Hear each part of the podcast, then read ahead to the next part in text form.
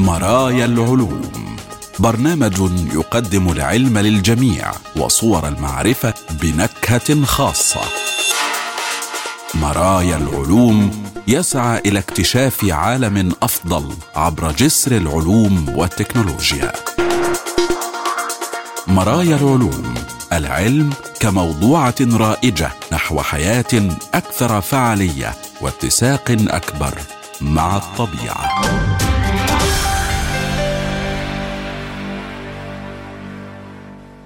أهلا بكم مستمعينا الكرام وحلقة جديدة من برنامج مرايا العلوم حيث العلوم والحياة وصور المعرفة وتردداتها بلا حدود والسعي نحو غد أفضل يتسع للجميع ويفتح ذراعيه لعقول السلام. معكم أحمد أحمد وفي هذه الحلقة فك شفرة اللغز الكوني للسوبر نوفا ودراسة الجينوم التي تقدم لنا فكرة عما يجعلنا بشرا.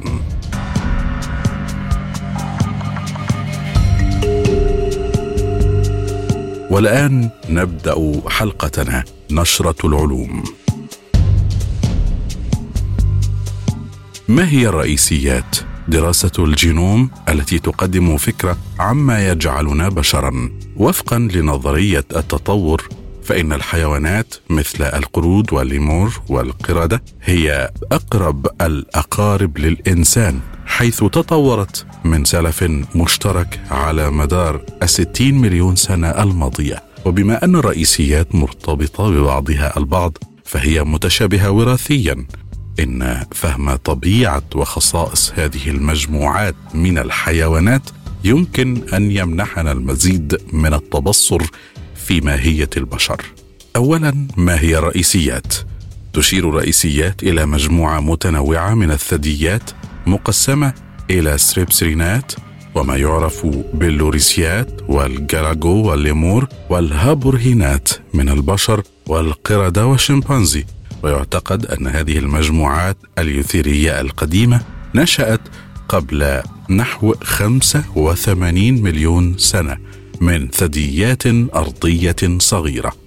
يفترض العلماء أن هناك ما بين 376 و 524 نوعا من الرئيسيات الحية اعتمادا على طريقة التصنيف المستخدمة.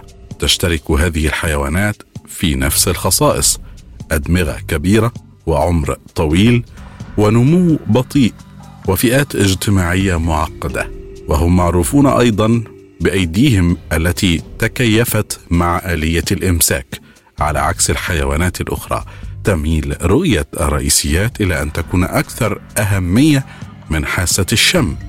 بالإضافة إلى ذلك فإنها تلد عددا قليلا من النسل وعادة ما يكون واحدا تلو الآخر. تعيش معظم الرئيسيات في المنطقة الاستوائية أو شبه الاستوائية. على الرغم من أن القليل منها يسكن أيضا المناطق المعتدلة. الرئيسيات هي شجرية أو سكان الأشجار باستثناء عدد قليل من الأنواع الأرضية. بعض أفراد هذه المجموعة يأكلون أوراق الشجر أو الفاكهة في حين أن البعض الآخر إما آكل للحشرات أو آكل للحوم. وفي دراسة جينومية شاملة أجريت على الرئيسيات قام فريق من الباحثين بوضع تسلسل وتحليل جينومات 233 نوعا من الرئيسيات بما في ذلك نصف تلك الموجودة على قيد الحياة اليوم. استكشف هذا البحث أصول الرئيسيات كمجموعة كما غطى أيضا بعضا من الرئيسيات الأكثر عرضة للانقراض. مثل الجيبون الغربي الأسود المتوج الموجود في الصين ولاوس وفيتنام والليمور الرياضي الشمالي الذي يزدهر في شمال مدغشقر. بقيادة عالم الجينوم لوكاس كودرنا من معهد علم الأحياء التطوري في حديقة أبحاث الطب الحيوي في برشلونة بإسبانيا قام الفريق بتعديل الجدول الزمني لاختلاف السلالة التطورية التي أدت إلى البشر. وتلك التي أدت إلى الشمبانزي والبونوبو. واكتشفوا أن هذا الحدث المهم حدث قبل 6.9 إلى نحو 9 ملايين سنة أي لفترة أطول قليلا مما كان مقدرا سابقا. وكشفت نتيجة الدراسة أيضا أن الرئيسيات لديها تنوع جيني أكبر من البشر. وتمتلك الغالبية العظمى من أنواع الرئيسيات تنوعا جينيا لكل فرد أكبر من البشر يشير هذا إلى أنه من المحتمل وجود العديد من الاختناقات السكانية والتي غيرت كمية وطبيعة التنوع الجيني في المجموعات البشرية القديمة. تم العثور أيضا على بعض الاختلافات الجينية التي كان يعتقد سابقا أنها مقتصرة على البشر في أنواع أخرى من الرئيسيات لكن العلماء ركزوا على الخصائص الأخرى التي ينفرد بها الإنسان وفي هذه الدراسة تم استخدام جينومات الرئيسيات لتدريب خوارزمية الذكاء الاصطناعي للتنبؤ بالطفرات الجينية التي يمكن أن تسبب أمراضا للإنسان. لعبت بيانات الجينوم دورا مهما في تحديد الأنواع الرئيسية التي تحتاج بشدة إلى جهود الحفظ. ومع ذلك كان التنوع الجيني مؤشرا ضعيفا لخطر الانقراض الشامل ووفقا للعلماء قد يكون هذا بسبب انخفاض أعداد الأنواع الرئيسية المختلفة بسرعة كبيرة بحيث لم يكن لدى علم الوراثة الخاص بها الوقت الكافي لتعويض الخسارة في حجم السكان والتكيف معها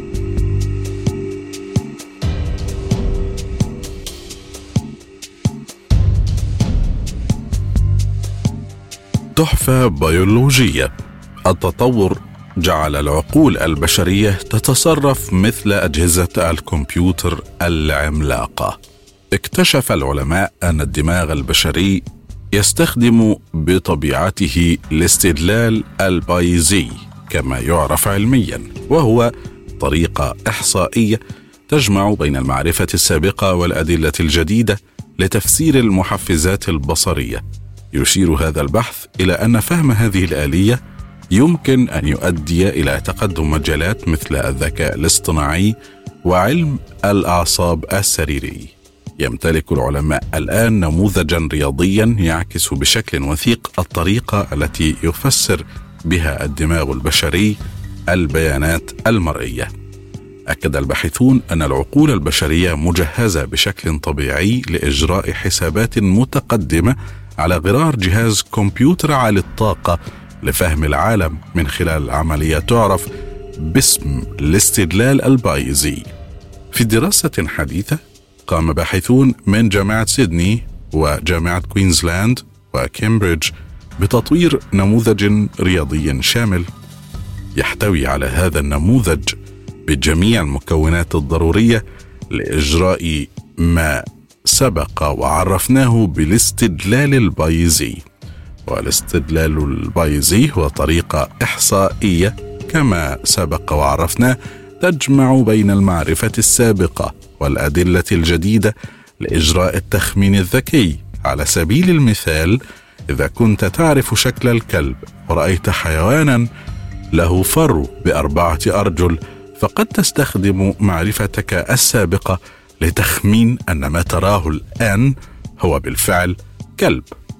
وتتيح هذه القدرة المتأصلة للأشخاص تفسير البيئة بدقة وسرعة غير عادية على عكس الآلات التي يمكن أن تتفوق عليها إجراءات أمان تعرف بكابتشا وهي إجراءات بسيطة عندما يطلب منها تحديد صنابير إطفاء الحرائق في لوحة من الصور. قال كبير الباحثين في الدراسة دكتور روبن ريدو من كلية علم النفس بجامعة سيدني إنه على الرغم من الجاذبية المفاهيمية والقوة التفسيرية للنهج البايزي فإن كيفية حساب الدماغ للاحتمالات غامضة إلى حد كبير. ويقول دراستنا الجديدة تلقي الضوء على هذا اللغز.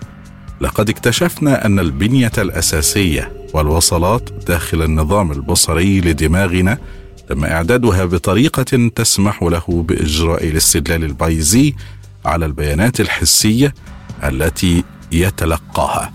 ما يجعل هذا الاكتشاف مهما هو التأكيد على أن أدمغتنا لديها تصميم متأصل يسمح بهذا الشكل المتقدم من المعالجة.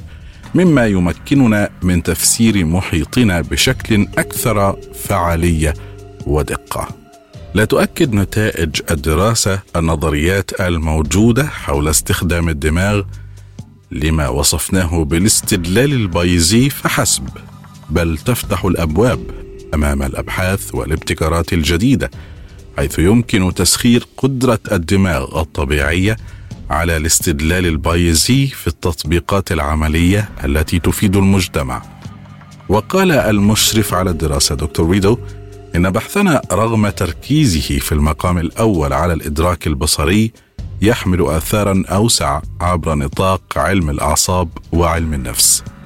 ومن خلال فهم الآليات الأساسية التي يستخدمها الدماغ لمعالجة وتفسير البيانات الحسية يمكننا تمهيد الطريق للتقدم في مجالات تتراوح من الذكاء الاصطناعي إلى غيره حيث يمكن لمحاكاة وظائف الدماغ أن تحدث بالفعل ثورة في التعلم الآلي. هذه المجالات التي قلنا إنها تتراوح من الذكاء الاصطناعي تذهب أيضا إلى علم الأعصاب السريري مما قد يقدم استراتيجيات مهمة جديدة للتدخلات العلاجية في المستقبل. وتوصل فريق البحث بقيادة دكتور ويليام هاريسون إلى هذا الاكتشاف من خلال تسجيل نشاط الدماغ لدى المتطوعين أثناء مشاهدتهم للعروض بشكل سلبي والتي تم تصميمها لاستنباط إشارات عصبية محددة تتعلق بالمعالجة البصرية.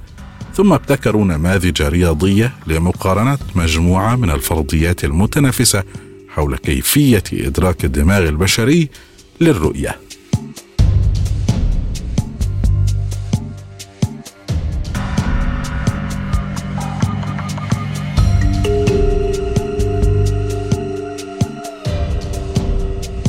فك شفرة اللغز الكوني. أول محاكاة ثلاثية الأبعاد في العالم تكشف عن فيزياء المستعرات العظمى الغريبة. تكشف المحاكاة ثلاثية الأبعاد للمستعر الأعظم الغريب عن الهياكل المضطربة الناتجة أثناء قذف المواد في الانفجار. تؤثر هذه الهياكل المضطربة لاحقا على بنية السطوع والانفجار للمستعر الأعظم بأكمله. يلعب الاضطراب دورا حاسما في عملية انفجار المستعر الأعظم أو السوبر نوفا وهو الناتج عن حركة السوائل غير المنتظمة ما يؤدي إلى ديناميكيات معقدة. تخلط هذه الهياكل المضطربة المادة وتشوهها ما يؤثر على إطلاق ونقل الطاقة وبالتالي يؤثر على سطوع المستعر الأعظم ومظهره. من خلال عمليات المحاكاة ثلاثية الأبعاد يكتسب العلماء رؤى أعمق حول العمليات الفيزيائية لانفجارات المستعرات العظمى الغريبة ويمكنهم تفسير الظواهر المرصودة وخصائص هذه المستعرات غير العادية.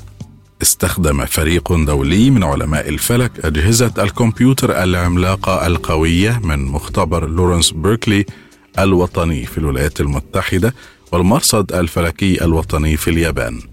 بعد سنوات من البحث المخصص واستهلاك أكثر من خمسة ملايين ساعة حوسبة فائقة السرعة تمكنوا أخيرا من إنشاء أول محاكاة هيدروديناميكية إشعاعية ثلاثية الأبعاد عالية الدقة في العالم للمستعرات العظمى الغريبة.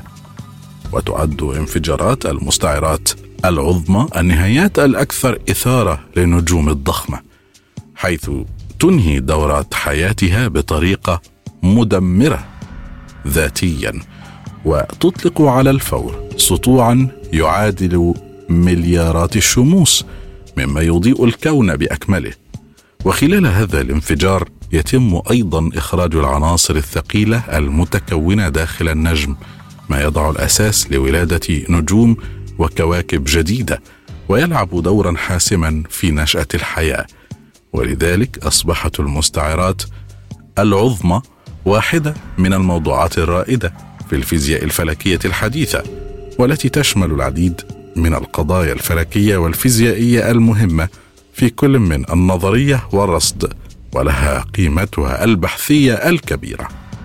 على مدار نصف القرن الماضي زودتنا الأبحاث بفهم شامل نسبيا للمستعرات العظمى ومع ذلك فإن أحدث عمليات رصد للمستعرات العظمى واسعه النطاق بدأت في الكشف عن العديد من الانفجارات النجمية غير العادية للمستعرات العظمى الغريبة والتي تتحدى وتقلب المعرفة السابقة لفيزياء السوبر نوفا ولكن ماذا عن أسرار المستعرات العظمى الغريبة؟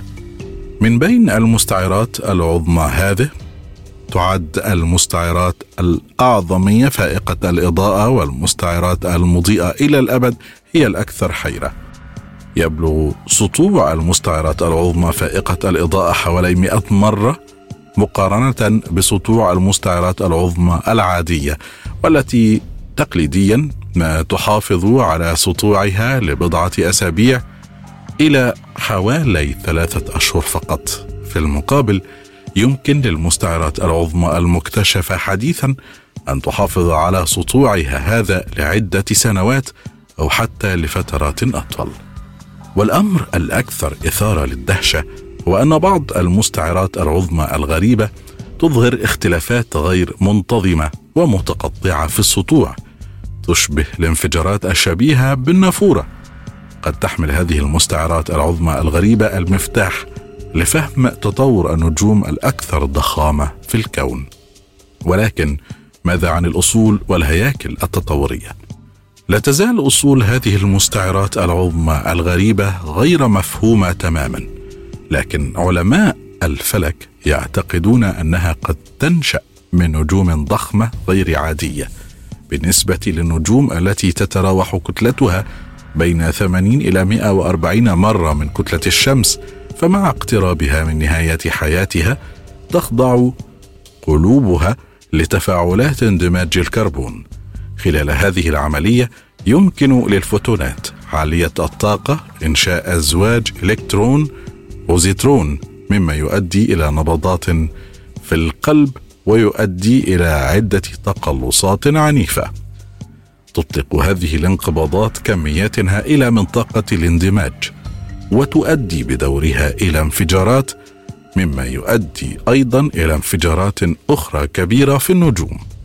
هذه الانفجارات نفسها يمكن أن تكون مشابهة لانفجارات المستعرات العظمى العادية.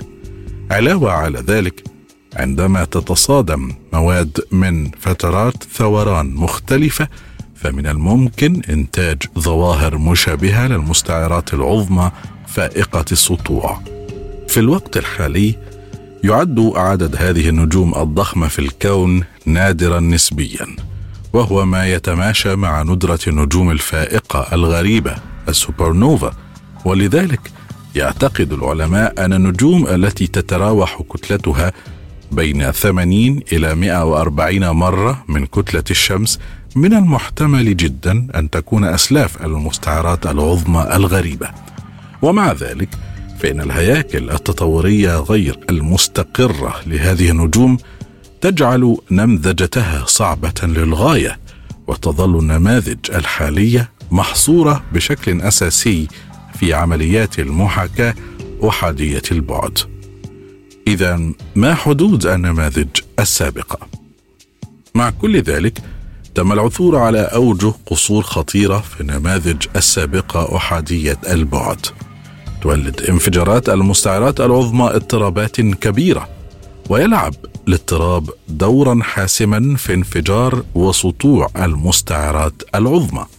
ومع هذا فإن نماذج أحادية البعد غير قادرة على محاكاة الاضطراب من المبادئ الأولى. جعلت هذه التحديات اكتساب فهم عميق للآليات الفيزيائية وراء المستعرات العظمى الغريبة مشكلة كبيرة في الفيزياء الفلكية النظرية الحالية.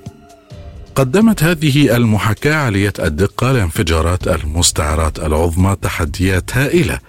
مع زيادة حجم المحاكاة أصبح الحفاظ على دقة عالية أمرا صعبا بشكل متزايد مما أدى إلى زيادة التعقيد والمتطلبات الحسابية بشكل كبير. بينما يتطلب أيضا النظر في العديد من العمليات الفيزيائية. أكد كي جونغ تشين أن كود المحاكاة الخاص بفريقهم يتمتع بمزايا مقارنة بالمجموعات المتنافسة الأخرى في أوروبا والولايات المتحدة. اقتصرت عمليات المحاكاة السابقة ذات الصلة بشكل أساسي على نماذج السوائل أحادية البعد وعدد قليل من نماذج السوائل ثنائية الأبعاد بينما في المستعرات العظمى الغريبة تلعب التأثيرات متعددة الأبعاد والإشعاع دورا حاسما إذ تؤثر على انبعاثات الضوء وديناميكيات الانفجار الشاملة.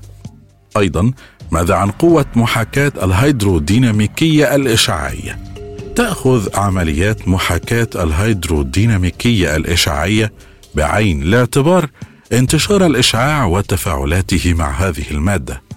فهذه العملية المعقدة لنقل الإشعاع تجعل الحسابات صعبة للغاية مع متطلبات وصعوبات حسابية أعلى بكثير من محاكاة السوائل.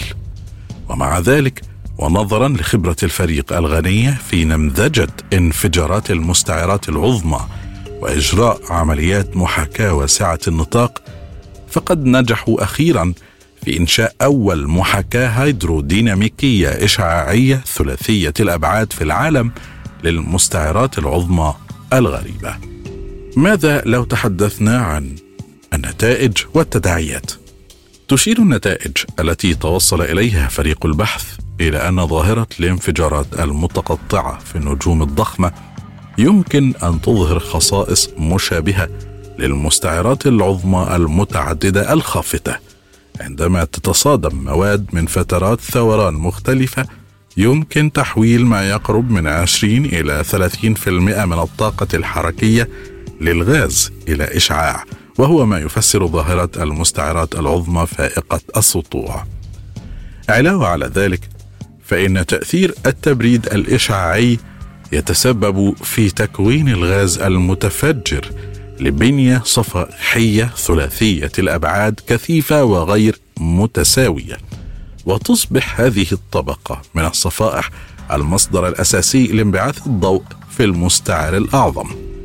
وتشرح نتائج المحاكاة الخاصة بهم بشكل فعال السمات الرصدية للمستعرات العظمى الغريبة التي ذكرناها.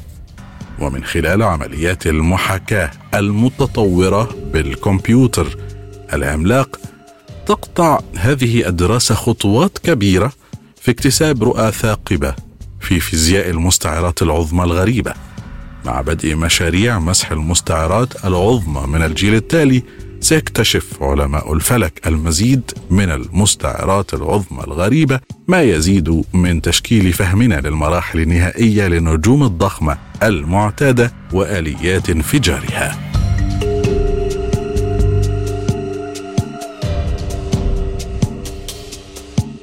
هل التوحد اضطراب عصبي؟ ومتى تظهر أعراض اضطراب طيف التوحد لأول مرة؟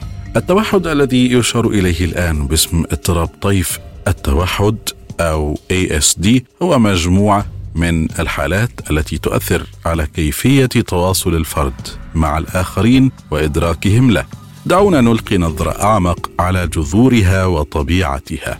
بداية ما هو اضطراب طيف التوحد؟ ASD هو اضطراب عصبي وتنموي غير تقدمي يستمر مدى الحياة يحدث هذا بشكل رئيسي بسبب الاختلافات داخل الدماغ في حين أن بعض الأفراد المصابين باضطراب طيف التوحد لديهم اختلاف معروف على وجه التحديد إلا أن الحالات الأخرى تظل غامضة يشير مصطلح التوحد إلى إعاقة في النمو تؤثر على التواصل اللفظي وغير اللفظي وكذلك التفاعل الاجتماعي. كلاسيكيا يتضمن اضطراب طيف التوحد مجموعة ثلاثية من الإعاقات وهي في التواصل واستخدام اللغة وفي التفاعل الاجتماعي وفي الخيال المحدود والتي يمكن عرضها في أنماط السلوك والنشاط المتكررة والنمطية والمقيدة. وكما يوحي اسمه.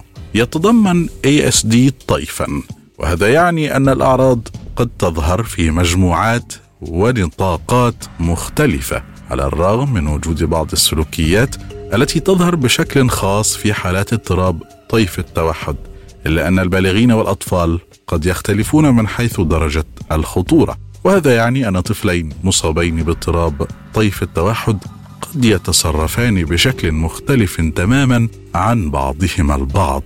وهذه هي الصعوبة والخطورة. أيضا قد يكون لدى الأشخاص الذين يعانون من اضطراب طيف التوحد قدرات مختلفة. على سبيل المثال ربما يكون بعض الأشخاص الذين يعانون من اضطراب طيف التوحد غير لفظيين بينما قد يتمتع الآخرون بمهارات متقدمة في اللغة والمحادثة. كذلك قد يحتاج آخرون إلى الدعم في حياتهم اليومية في حين قد يعمل آخرون بأقل قدر من الدعم أو لا يحصلون ابدا على أي دعم على الإطلاق. بشكل عام قد يتفاعل الأفراد المصابون باضطراب طيف التوحد ويتواصلون ويتعلمون ويتصرفون بطرق مختلفة مقارنة بالآخرين. من الناحية المادية لا يوجد عادة ما يميزهم عن الآخرين. ماذا عن بداية اضطراب طيف التوحد؟ يبدأ اضطراب طيف التوحد عادة قبل أن يبلغ الطفل سن الثالثة وقد يستمر طوال حياة الطفل بأكملها. تظهر على بعض الأفراد أعراض اضطراب طيف التوحد خلال السنة الأولى من وجودهم بينما قد تظهر الأعراض على آخرين بعد 24 شهرا على الأقل. هناك بعض الأطفال الذين يعانون من اضطراب طيف التوحد والذين يحققون أيضا معالم تنمويه حتى يصلوا إلى عمر 18 شهرا أو 24 شهرا لكنهم يتوقفون بعد ذلك عن تعلم مهارات جديدة أو ينتهي بهم الأمر بفقدان المهارات عندما يصلون إلى هذه النقطة. اذا ما علاج اضطراب طيف التوحد؟ يركز علاج اضطراب طيف التوحد النموذجي على تقليل الأعراض التي تعيق جودة الحياة والأداء اليومي. يتأثر كل شخص مصاب بالتوحد بشكل مختلف بهذه الحالة، ولهذا السبب قد يواجه كل شخص تحديات ونقاط قوة فريدة، وقد يكون له أيضا احتياجات مختلفة في العلاج. ولهذا السبب تميل خطط العلاج إلى أن تكون مصممة لتناسب الفرد. يعرف العلاج الملحوظ للأطفال الذين يعانون من اضطراب طيف التوحد والذي يركز على السلوك باسم تحليل السلوك التطبيقي. والذي يثبط السلوكيات غير المرغوب فيها ويشجع بدوره السلوكيات المرغوبة من أجل تعزيز المهارات المختلفة في مثل هذه العلاجات وهو ما يمكن رصد التقدم من خلاله وبالتالي إجراء عمليات خاصة بالقياس.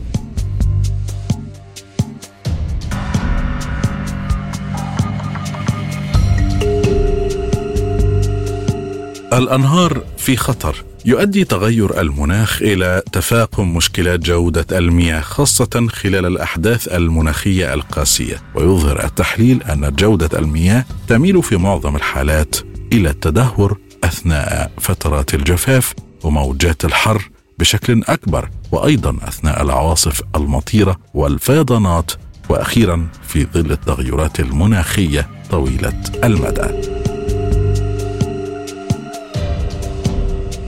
إلى هنا مستمعينا الكرام نكون قد وصلنا وإياكم إلى خاتمة هذه الحلقة من مرايا العلوم. شكرا جزيلا حسن إصغائكم وإلى اللقاء.